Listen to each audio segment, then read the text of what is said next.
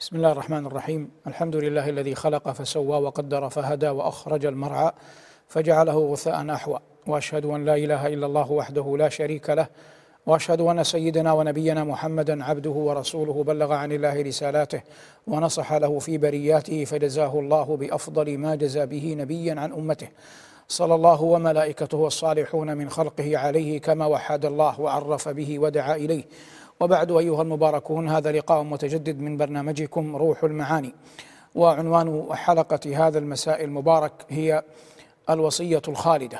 ونحن نعلم جميعا أن الإنسان إذا حضره الموت يكون أقرب إلى الله جل وعلا إن كان مؤمنا في أي حال أو من أي وقت سواه. ومعلوم قطعا أن أنبياء الله ورسله صلوات الله وسلامه عليهم أجمعين بلا استثناء قضوا أعمارهم. وأيامهم في الدعوة إلى الله جل وعلا والإخبار عن التوحيد والدين الحق. فكان بدهيا إذا حضرتهم الوفاة أن لا يشغلهم شيء أعظم من أن يذكروا من حولهم وأتباعهم بقضية التوحيد التي جاء بها النبيون والمرسلون جميعا. قال الله جل وعلا في هذه السورة المباركة ووصى بها إبراهيم بنيه ويعقوب يا بني إن الله اصطفى لكم الدين فلا تموتن إلا وأنتم مسلمون. ثم جاء الخبر القرآني يخبر عن حضور الموت ليعقوب عليه السلام. قال الله جل وعلا مخاطبا بني إسرائيل في المقام الأول أم كنتم شهداء إذ حضر يعقوب الموت؟ الموت يحضر بالذات ويحضر بالمقدمات. فأما إذا حضر الموت بالذات فلا يمكن لأحد أن يتكلم أو أن ينبس ببنت شفه. لكنه إذا حضرت مقدماته تكون حينها ألو... تكون حينها الوصية للغير. فقول الله جل وعلا أم كنتم شهداء إذ حضر يعقوب الموت؟ هذا مقدمات الموت والموت فاعل مؤخر أي مقدماته. ويعقوب الوارد ذكره في القرآن هو إسرائيل وهو هنا وفق الصناعة النحوية مفعول به مقدم. والمعنى أن شواهد الموت مقدماته المرض الذي يشعر الإنسان فيه بدنو الأجل وقرب رحيله من الدنيا ومفارقته لها حضر ليعقوب وحوله أبناؤه عليهم السلام. من باب التبعية. فقال الله جل وعلا لبني إسرائيل أم كنتم شهداء إذ حضر يعقوب الموت؟ أنتم اليوم تزعمون أن اليهودية هي الحق. والنصارى يزعمون أن أن النصرانية هي الحق وكلاهم وكلا الأمرين باطل بدليل أن أحدا منكم لم يكن شاهدا حاضرا يوم أن وقع الموت ومقدماته على يعقوب عليه السلام. ماذا قال وبماذا أوصى؟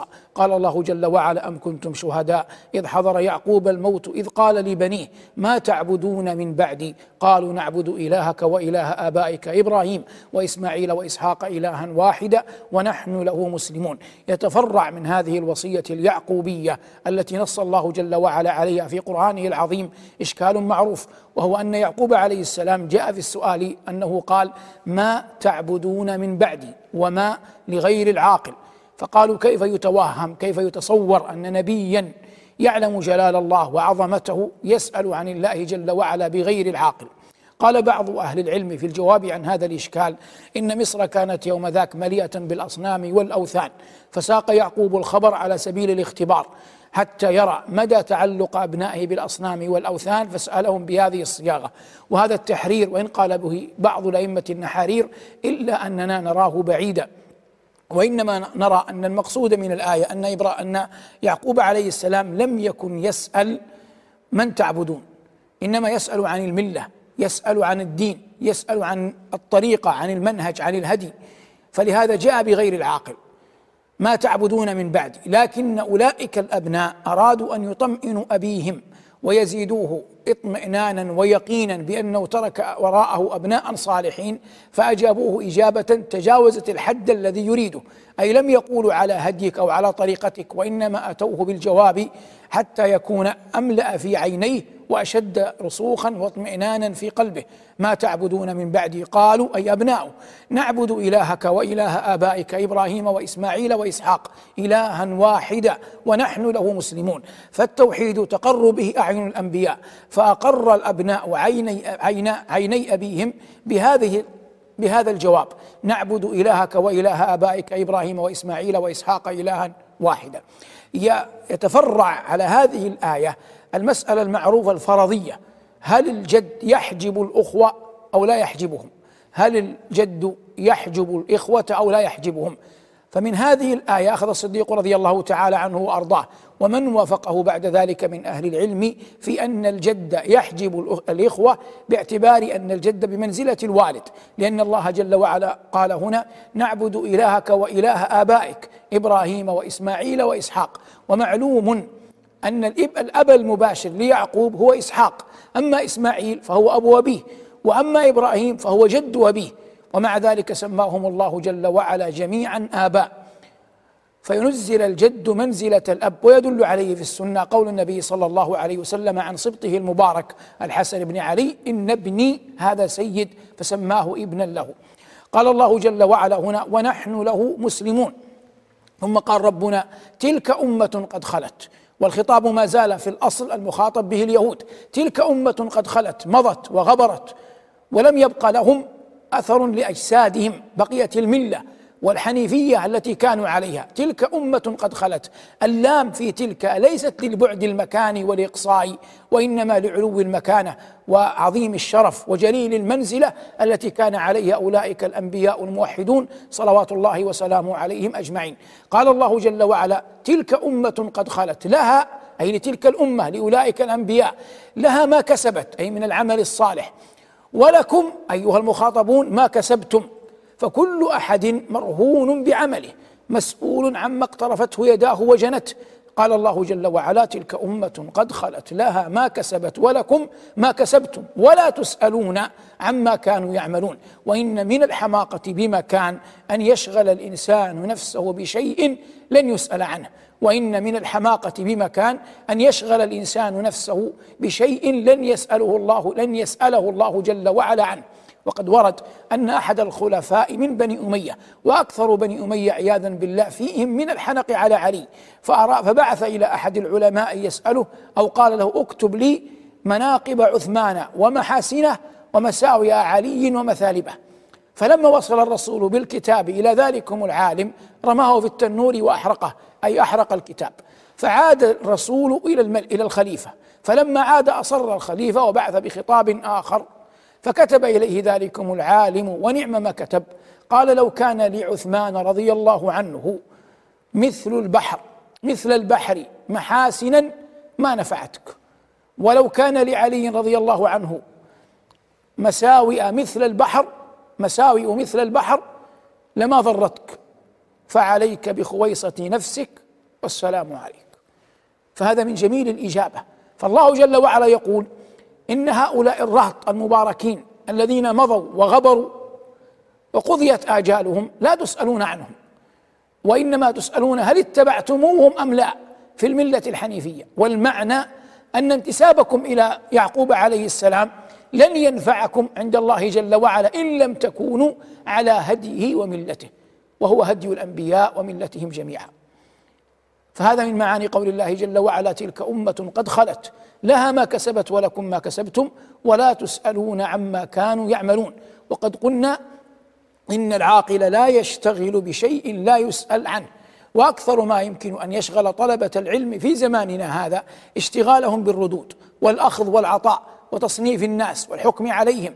فهذا ملهاة أكثر منه فائدة لمن سلك مثل ذلكم الطريق. قال الله جل وعلا بعدها وقالوا أي اليهود والنصارى كونوا هودا أو نصارى تهتدوا والمعنى تفصيلا قالت اليهود كونوا هودا وقالت النصارى كونوا نصارى وليس المعنى أن الفريقين متفقان وليس المعنى أن الفريقين متفقان.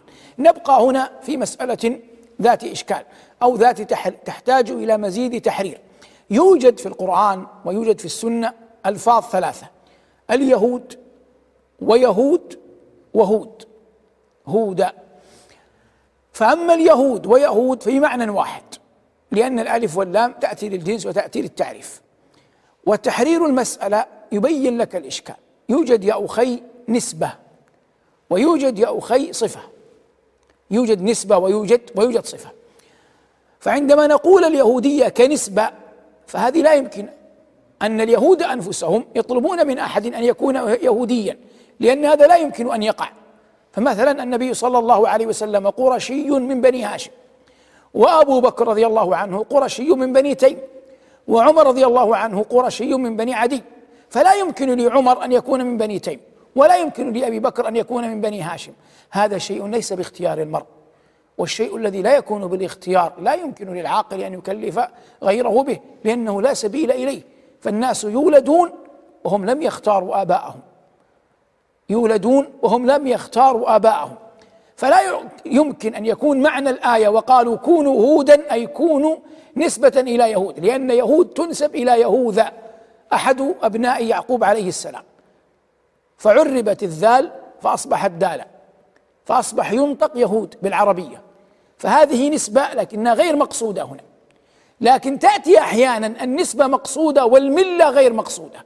لكن المقصود هنا في الآية الملة وليس النسبة. والمعنى وقالوا كونوا هودا قالت اليهود كونوا على ملتنا على شرعنا على طريقتنا في عبادة الله. ولا تقصد اليهود كونوا مثلنا منتسبين إلى يهوذا جدنا. هذا محال أن يكون هذا طلبهم. فعلى الأول أو فعل الثاني وهو قضية النسبة إلى الجد منه قول حفصة رضي الله عنها لصفية رضي الله, تعالى عنها قول حفصة لصفية رضي الله عنها يا يهودية فحفصة لا تقصد أن صفية على ملة اليهود وإنما تقصد أنها تنتسب إلى يهوذا. ومنه أن النبي صلى الله عليه وسلم قال مخيريق خير يهود. ومخيريق هذا رجل من يهود ناصر النبي صلى الله عليه وسلم ومات شهيدا في أحد. فقال عليه الصلاة والسلام أو في الخندق قال مخيريق خير يهود.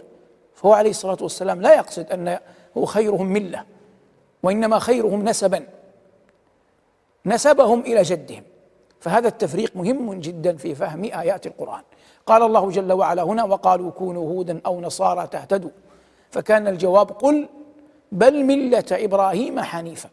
والمعنى أن إبراهيم كما بينه الله جل وعلا في سورة أخرى لم يكن يوما من الدهر يهوديا ولا نصرانيا لأن الأمر بداهة أن اليهوديه المحرفه والنصرانيه وهي دين محرف لم يقعا ولم يوجدا ولم يكونا إلا بعد بعد الخليل إلا بعد الخليل. فالتوراة والإنجيل إنما أنزلتا بعد الخليل عليه السلام. فقال الله جل وعلا هنا وقالوا كونوا هودا أو نصارى تهتدوا قل بل ملة إبراهيم حنيفا وما كان من المشركين.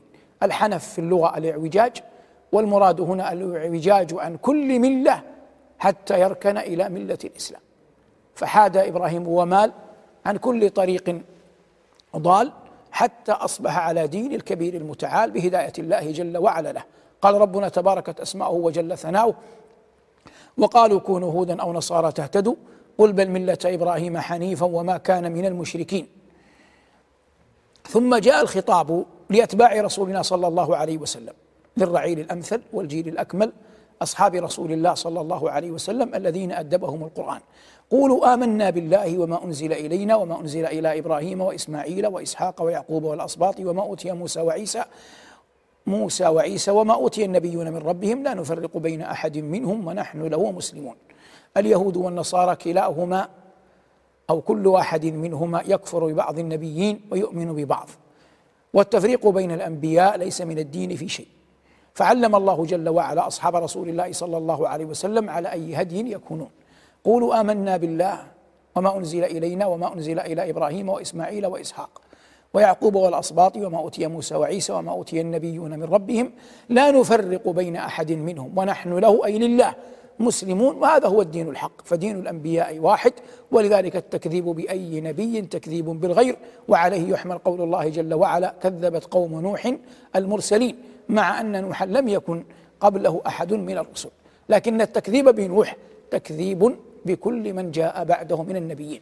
قال ربنا جل وعلا بعد فإن آمنوا بمثل ما آمنتم به. معنى بمثل ما آمنتم به أي على نفس على الهدي نفسه الذي تؤمنون به أي الإسلام. فإن آمنوا بمثل ما آمنتم به فقد اهتدوا. وهذا يعني أن المسلمين مهتدون. وإن تولوا أعرضوا لم يقبلوا ما أنتم عليه ولم يرفعوا رأسا بالطريقة التي جئتم بها والتي أخذتموها عن رسولنا صلوات الله وسلامه عليه. فإنما هم في شقاق وهذا يحتمل معنيين. المعنى الأول في شقاق تقول أنت في شق وأنا في شق أي أن ما بيننا بعيد. ولا يمكن أن نتلاقى.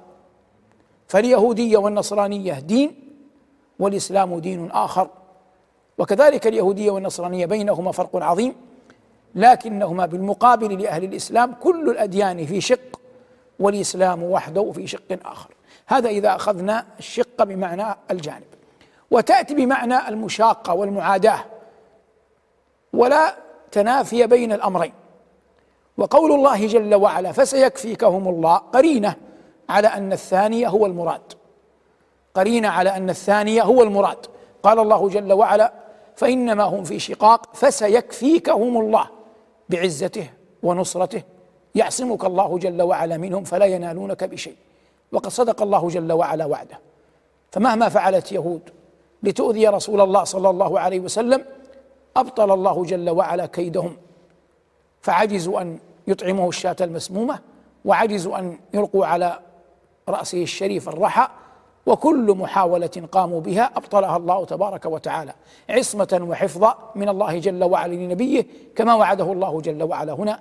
فسيكفيكهم الله مع الاستصحاب أن سورة البقرة سورة سورة مدنية وهي من أوائل ما أنزل. فسيكفيكهم الله. وأهل السير والأخبار يقولون أن عثمان رضي الله تعالى عنه وأرضاه كان يقرأ هذه الآية عندما طعنه الثوار وأن قطرات من دمه سقطت على المصحف الذي بين يديه وتجمدت. فذكر القرطبي وغيره أن هذا الدم باق جامد على مصحف عثمان رآه بعض العلماء وعدوه أي ذكروه. وعدوه أي ذكروه. والعلم عند الله لكن لا يبعد هذا وأكثر أهل الأخبار على نقله. قال الله جل وعلا فسيكفيكهم الله وهو السميع أي لأقوالهم العليم بما تنطوي عليه قلوبهم وهو السميع العليم. ثم قال الله جل وعلا صبغة الله. قال الله جل وعلا صبغة الله ومن أحسن من الله صبغة ونحن له عابدون. هذا أقرب إلى المشاكلة. ذلك أن اليهود ترى أن الكاهن إذا أراد أن يتوب أن يغتسل. ويصبغ صبغة جديدة يكفر بها عن خطاياه وعن خطايا أهله. وفي النصارى ما يعرف بالتعميد بأن يغتسلوا في نهر كنهر الأردن مثلا ويسمى هذا تعميدا لمن أراد أن ينتفع بنجاة المسيح له. خاطبهم الله جل وعلا بمثل الصنيع الذي هم عليه فيه. فقال جل وعلا صبغة الله. وصبغ على وزن فعل. وهي على وزن المفعول على وزن فعل ويراد بها اسم المفعول. كما تقول ذبح والمراد مذبوح وتقول قشر والمراد مقشور. أما التاء فإنما زيدت للتأنيث لإرادة الوحدة حتى يعلم أن طريق الله واحد صبغة الله ومن أحسن من الله صبغة. فالله جل وعلا فطر الخلق أجمعين على عبادته وحده. وعلى أنهم يعرفون ربهم تبارك وتعالى. قال أصدق القائلين فطرة الله التي فطر الناس عليها. صبغة الله ومن أحسن من الله صبغة أي لا أحد أحسن من الله صبغة. ونحن له عابدون. ثم جاءت الآية التي تليها قل والخطاب من النبي عليه الصلاة والسلام لكف لأهل الكتاب. قل أتحاجوننا في الله وهو ربنا وربكم. المحاجة تكون في الشيء المختلف فيه. والاستفهام هنا أشبه بالاستفهام الإنكاري. فربنا جل وعلا عظيم جليل كل شيء في الكون يشهد له. فلا اختلاف بيننا ولا خلاف أن الله ربنا وأن الله ربكم. فلما فلما تطالبوننا بالحجة ولا تحاجوننا في الله وهو ربنا وربكم والله جل وعلا ليس بينه وبين أحد من خلقه نسب. فعلام تظهرون أنكم أبناء الله وأحباؤه. وعلام تلمزوننا بأننا أميون. ليس عليكم سبيل في ما تصنعونه بنا. علام تقدحون في ديننا. والرب رب واحد لا إله إلا هو. ولنا أعمالنا ولكم أعمالكم. فأنتم تعملون على بينة من أمركم تحسبونها ونحن على بينة من أمرنا. لكننا نفرق عنكم بقول الله جل وعلا ونحن له أي لله جل وعلا مخلصون. أي لم نشرك به كما أشركتم. فاليهود تزعم أن عزيرا ابن الله والنصارى تزعم أن المسيح ابن الله. تعالى الله عما يقول الفريقان علوا كبيرا وعما يقول الظالمون علوا كبيرا. فلما كان الأمر كذلك اصبح التساؤل المطروح. من أحق بنعيم الرب وعطائه؟ من أحق بفضل الله جل وعلا وإحسانه؟ أنتم الذين أشركتم مع الله جل وعلا غيره أم نحن الذين أخلصنا العمل له؟ ولم نشرك معه سواه. وآمنا أنه جل وعلا خلقنا وحده فلا أحد غيره فلا أحد غيره يستحق العبادة. كما خلقنا جل وعلا متفردا بخلقنا فيجب أن نعبده جل وعلا غير مشركين به. هذا من معاني قول الله جل وعلا قل تحاجوننا في الله وهو ربنا وربكم ولنا أعمالنا ولكم أعمالكم ونحن له مخلصون أم تقولون إن إبراهيم وإسماعيل وإسحاق ويعقوب والاسباط كانوا هودا أو نصارى. قل أأنتم أعلم أم الله؟ ومن أظلم ممن كتم شهادة عنده من الله. تحرير المسألة اليهود والنصارى كذلك فيهم علماء وفيهم عامة فيهم خاصة وفيهم دهماء. فالآية خاطبت الفريقين فقول الله جل وعلا قل أأنتم أعلم أم الله؟ يخاطب به العامة. وقول الله جل وعلا ومن أظلم ممن كتم شهادة عنده من الله يخاطب به الخاصة. يعاتب به العلماء. ويوعظ به من يحمل العلم من أهل الكتاب ومن غيرهم. وأنه لا يجوز لأحد أن يكتم شهادة عنده من الله. فما في التوراة وما في الإنجيل كل ذلك يشهد بأن إبراهيم ومن بعده من الأنبياء كانوا على الملة الحنيفية. لكن أهل العلم من أهل الكتاب كتموا تلك الشهادة. فبقيت الدهماء غير عالمين بها واتبعوا أقوال علمائهم وتركوا أمر الله. فعاتب الله جل وعلا العامة بقوله قل أأنتم أعلم أم الله؟ وقد أخبر الله جل وعلا أنهم كانوا على الملة الحنيفية أي إبراهيم ومن معه. وعاتب الله جل وعلا الخواص والعلماء من أهل الكتاب لأنهم كتموا الشهادة. فقال ربنا ومن أظلم وليست هذه معاتبة يسيرة لأن قول الله جل وعلا ومن أظلم أي لا أحد أظلم فقد جاءوا بالأمر الشنيع والمنكر الفظيع. فقال ربنا ومن أظلم ممن كتم شهادة عنده من الله وما الله بغافل عما تعملون فإن الله جل وعلا مطلع على ما كان منهم وما سيكون. ثم جاء بتكرار الخطاب فقال ربنا تلك أمة قد خلت. قال القرطبي وغيره هذا حتى يكون أبلغ في الردع أبلغ في الزجر. تلك أمة قد خلت لها ما كسبت ولكم ما كسبتم ولا تسألون عما كانوا يعملون. وقد بينا في معناها الأول أن الإنسان العاقل يشتغل بعيوب نفسه لأن حوادث الدهر لا تنتهي والناس لا يحصيهم إلا خالقهم. ولو أخذت تتبع كل أحد وعثراته لتبعت. لعمرك إن في ذنبي لشغلا عن ذنوب بني أمية. على ربي حسابهم إليه. تناهى علم ذلك لا إلي وليس بضائري ما قد أتوا. إذا ما الله أصلح ما لدي. من مجمل هذه الآيات المباركة التي هي وصية خالدة من يعقوب عليه السلام لبنيه يمكن بعد هذا التفسير المجمل أن نستنبط بعض بعض الفوائد. الإنسان إذا حضرته مقدمة الموت يكون مقبلا على الله. فهنا لا يكون منه إلا من طوت عليه سريرته في الغالب. فلما كانت سريرة الأنبياء منطوية على التوحيد ذكروه. وكذلك كل أحد. غالب من طوت عليه سريرته. في حياته يلهج به يذكره يتفوه به عند موته. نسأل الله جل ذكره الستر والعفو والعافية والتوفيق لما يحب ويرضى.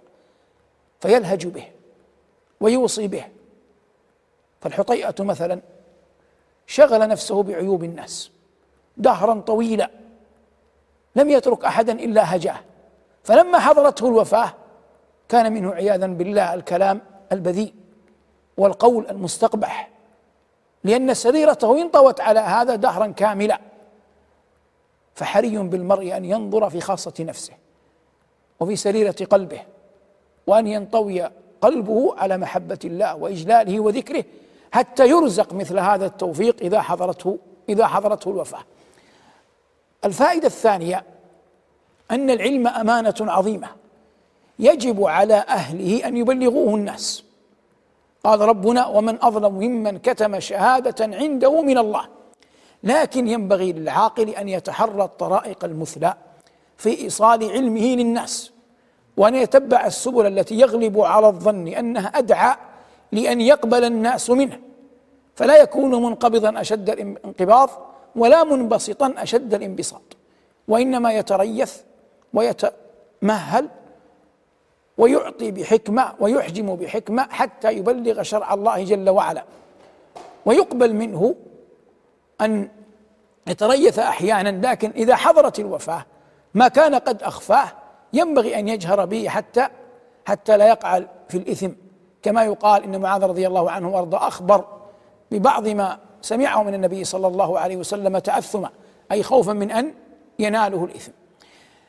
من من الخبر القرآني هذا كله من القصص الرباني هذا الذي في القرآن العظيم يأتي بيان عصمة الله جل يأتي بيان عصمة الله جل وعلا لأوليائه وأصفيائه وأن الله جل وعلا يحفظهم بحفظه. وهذا من دلائل قول الله جل وعلا فسيكفيكهم الله. لكن الأجل إذا حضر لا يدفعه شيء. الأجل إذا حضر لا يدفعه شيء. وقد يبدو لك في ظاهر الأمر أن فلانا نكل به لكن لا تدري ماذا أعد الله جل وعلا له. فقد يكون في هذا النكال الظاهر الذي لا يؤذيه إلا جسدا فيما يراه الناس. قد يكون بعد ذلك له في أخراه من رفيع الدرجة وعلو المنزلة كما وقع لأمير المؤمنين عثمان رضي الله تعالى عنه وأرضاه. قال الله جل وعلا فسيكفيكهم الله وهو السميع العليم قول ربنا جل وعلا عن أوليائه المتقين ونحن له مخلصون وهو ما بيناه اجمالا في أول اللقاء. قرينة على عظيم أهمية الإخلاص في حياة المؤمن. فالله جل وعلا أغنى الأغنياء عن الشرك. هو جل وعلا لا تنفعه طاعة طائع ولا تضره معصية عاص. ومن أشرك مع الله غيره أوكله الله إلى من أشركه معه. وإذا أراد الله بعبد خيرا وفقه لأن يخلص نيته له. تبارك اسمه وجل ثناؤه. وما أجمل القلوب وهي لا تبتغي بعملها إلا رحمة علام الغيوب. ومن أحسن دينا ممن أسلم وجهه لله وهو محسن. ومن أحسن دينا ممن أسلم وجهه لله وهو محسن. قل إن صلاتي ونسكي ومحياي ومماتي لله رب العالمين لا شريك له. وبذلك أمرت وأنا أول المسلمين. والنفس البشرية تحتاج إلى مجاهدة عظيمة. حتى يكون عملها خالصا لله جل وعلا وحده. ولا يوفق لهذا إلا من وفقه الله والهداية بيده. الخير كله بيديه والشر ليس والشر ليس إليه. في قوله تبارك وتعالى ومن أحسن من الله صبغة دلالة على ما فطر الله جل وعلا عليه العباد. من تهيئة لأن يكونوا أولياء لله. قال ربنا فطرة الله التي فطر الناس عليها. وقال ربنا نور على نور. فنور في الفطرة مستقر في القلوب. نور من الفطرة مستقر في القلوب. يأتيه رحيق الإيمان ومشكاة العلم ونور الوحي. فيزيده جلالا وبهاء ويظهره. ويكون اتباع المؤمن عليه. فينال بذلك عفو ربه ورحمة سيده وخالقه ومولاه. قال ربنا جل وعلا صبغة الله ومن أحسن من الله صبغة ونحن له عابدون. في قوله جل وعلا تلك أمة كما بينا في أول اللقاء هذا دليل على شرف المقام وعلى علو المنزلة. وإنما نال أولئك المباركون من الأنبياء والمرسلين ما نالوه. عطايا محضة من ربهم تبارك وتعالى وفضلا من الله جل وعلا وإحسانا. والله جل وعلا هيأهم لأن يبلغوا عنه رسالاته وينصحوا له في برياته. فعلموا وعملوا بذلك العلم الذي علمهم الله جل وعلا إياه. فنالوا شريف المنزلة وعلو الدرجة ورفيع المكانة وأمر الله الخلق باتباعه. قال الله جل وعلا تبارك اسمه وجل ثناؤه قال أولئك الذين هدى الله فبهداه مقتده فاقتدى صلى الله عليه وسلم بهداه. إلى ما أتاه الله جل وعلا من هدي فاجتمع فيه ما تفرق من هدي الأنبياء إلى ما اضافه آتاه الله جل وعلا من هدي فكان حقا أن يكون عليه السلام في تلك المنزلة العالية التي لا ينازعه فيها من البشر أحد. هذه إطلالة عامة على وصية خالدة. تفوه بها عبد صالح هو يعقوب عليه السلام عند حلول مقدمات الموت. جعل التوحيد شعارها ودثارها وجعل الإخلاص إلى الله جل وعلا نورها. ولم يكن شيئا ولم يكن شيء يحمل يعقوب همه أعظم من أن يترك أبناءه على دين الله تبارك وتعالى. يعبدونه كما عبده يوحدونه كما وحده يعظمونه كما عظمه. ووالله إن الأعين لتقر. إذا ترك الإنسان بعده أبناء وذرية وأتباع يوحدون الله ويعظمونه ويجلونه ذلك المبتغى وهو زينة الدنيا الحق وهو الطريق المؤول المؤمل بل لا طريق إلى الله جل وعلا غيره. فما أنزل الله الكتب ولا بعث الرسل إلا ليعبد ويعظم جل وعلا وحده دون سواه. بلغني الله وإياكم من الخير أكمله واجعلني الله وإياكم ممن يستمع القول فيتبع أحسنه. هذا ما تهيأ إراده وتيسر إعداده وأعان الله على قوله في لقاء عنوانه الوصية الخالدة من برنامجكم روح المعاني. والله أسأل أن يوفقنا وإياكم لما يحب ويرضى. وصلى الله على محمد وآله والحمد لله رب العالمين. والسلام عليكم ورحمة الله وبركاته.